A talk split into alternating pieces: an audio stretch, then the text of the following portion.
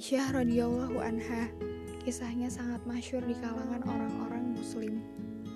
Bukan hanya karena keistimewaannya sebagai istri Rasulullah, namun juga karena cara pandangnya yang luas akan agama dan ilmu pengetahuan. Namanya Aisyah binti Abu Bakar As-Siddiq, putri dari sahabat dekat Rasul, sekaligus khalifah pertama pada masa itu. Ibunya bernama Ummi Ruman, istri kedua dari Abu Bakar. Dia dibesarkan dalam lingkungan yang baik, penuh kasih sayang, ilmu, sabar, dan kesopanan. Rasa ingin tahu yang tinggi menjadikan Aisyah gadis yang pandai. Aisyah ini sendiri lahir pada tahun keempat setelah Rasul diutus menjadi nabi. Sebelum menikah dengan Nabi, Aisyah hampir dinikahkan dengan Jubair. Namun Jubair menolak karena pada saat itu keluarga Aisyah sudah memeluk agama Islam. Lalu, pada usia tujuh tahun, Aisyah dinikahkan dengan Rasulullah. Dan pada usia 9 tahun, Aisyah baru menjalin rumah tangga dengan Rasulullah. Aisyah adalah wanita yang paling Nabi cintai. Satu-satunya wanita yang Nabi nikahi saat ia masih gadis. Saat bersama Rasulullah, Aisyah menjadi penyejuk hatinya. Tatkala memikirkan medan perang, memikirkan dakwah yang penuh dengan lika-liku. Umat Islam sendiri menyebut Aisyah sebagai Ummul Mukminin atau ibunya orang-orang beriman. Di beberapa sumber juga disebutkan mengenai kisah romantis di antara keduanya. Mulai dari mereka yang gemar melakukan lomba lari, sikap Nabi yang gemar membantu istri, cemburunya Aisyah, dan hal-hal romantisme lainnya kerap dikisahkan dalam beberapa buku, artikel, atau uh, siroh. Misalnya saja, ketika saat itu ada pertunjukan orang-orang Habasyah, Nabi menawari Aisyah, "Ya Humairah, apakah kamu ingin melihat pertunjukan itu?" Lalu Aisyah menjawab, "Iya ya Rasulullah."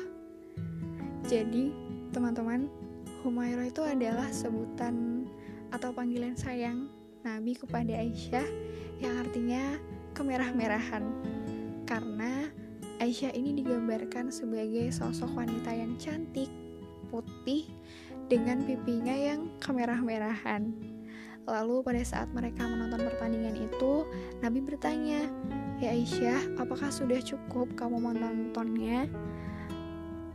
Namun Aisyah menjawab, belum ya Rasulullah, jangan terburu-buru. Setelah beberapa kemudian, uh, Nabi bertanya lagi, dan Aisyah menjawab hal yang demikian lagi. Kemudian seperti itu terus berulang-ulang. Nah, ketika uh, pertunjukannya selesai, Aisyah berkata bahwa sebenarnya dia tidak menyukai pertunjukannya, tapi dia menyukai uh, saat-saat kebersamaannya bersama Rasulullah. Karena pada saat itu Aisyah uh, menempelkan dagunya di pundak Rasul dan menempelkan uh, pipinya di wajah Rasulullah. Romantis banget ya.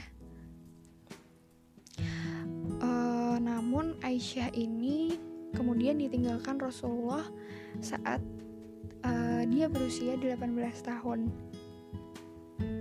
Beliau ini sangat mencintai Rasulullah. Begitu pula dengan Rasulullah.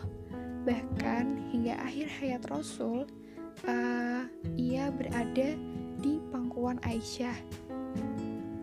Aisyah ini adalah sosok wanita yang cerdas, cerdas yang mencerdaskan, baik dan menebar kebaikan, sosok yang kritis pada kemungkaran dan sosok yang pemberani. Hingga pada masa Khalifah Ali bin Abi Thalib, Islam pernah mengalami uh, perpecahan antar umatnya. Dan ketika itu Aisyah menjadi pemimpin perang unta. Dia menunggangi unta dengan beraninya uh, untuk menantang kekhalifahan Ali karena uh, pada saat itu dianggap kurang tegas. pemicu dari uh, perang unta sendiri adalah kematian Utsman bin Affan. Namun pada saat itu mereka sadar bahwa ternyata mereka hanyalah korban dari adu domba. Kemudian semasa hidupnya, Bunda Aisyah ini aktif mendirikan majelis ilmu bagi wanita-wanita kala itu.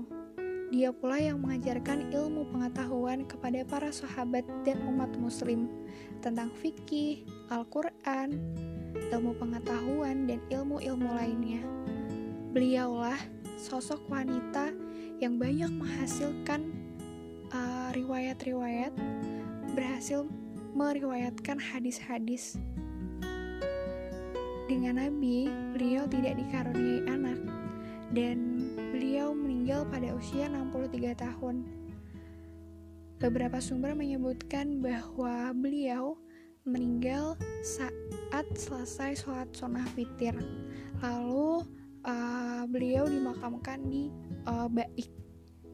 Kematiannya memberikan duka yang dalam bagi para sahabat dan umat muslim kala itu karena Aisyah lah sosok pendidik bagi mereka, orang yang paling tahu tentang agama dan tempat para sahabat dan umat muslim bertanya.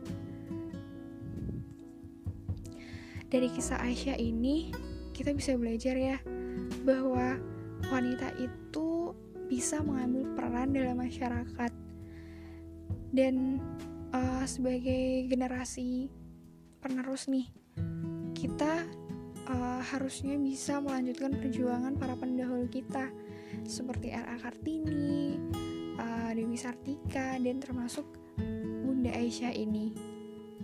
Masya Allah, ternyata zaman dulu pun sudah ada emansipasi wanita ya. Dan dari cerita Aisyah ini saya juga belajar bahwa ternyata agama pun tidak melarang wanita untuk mengambil peran.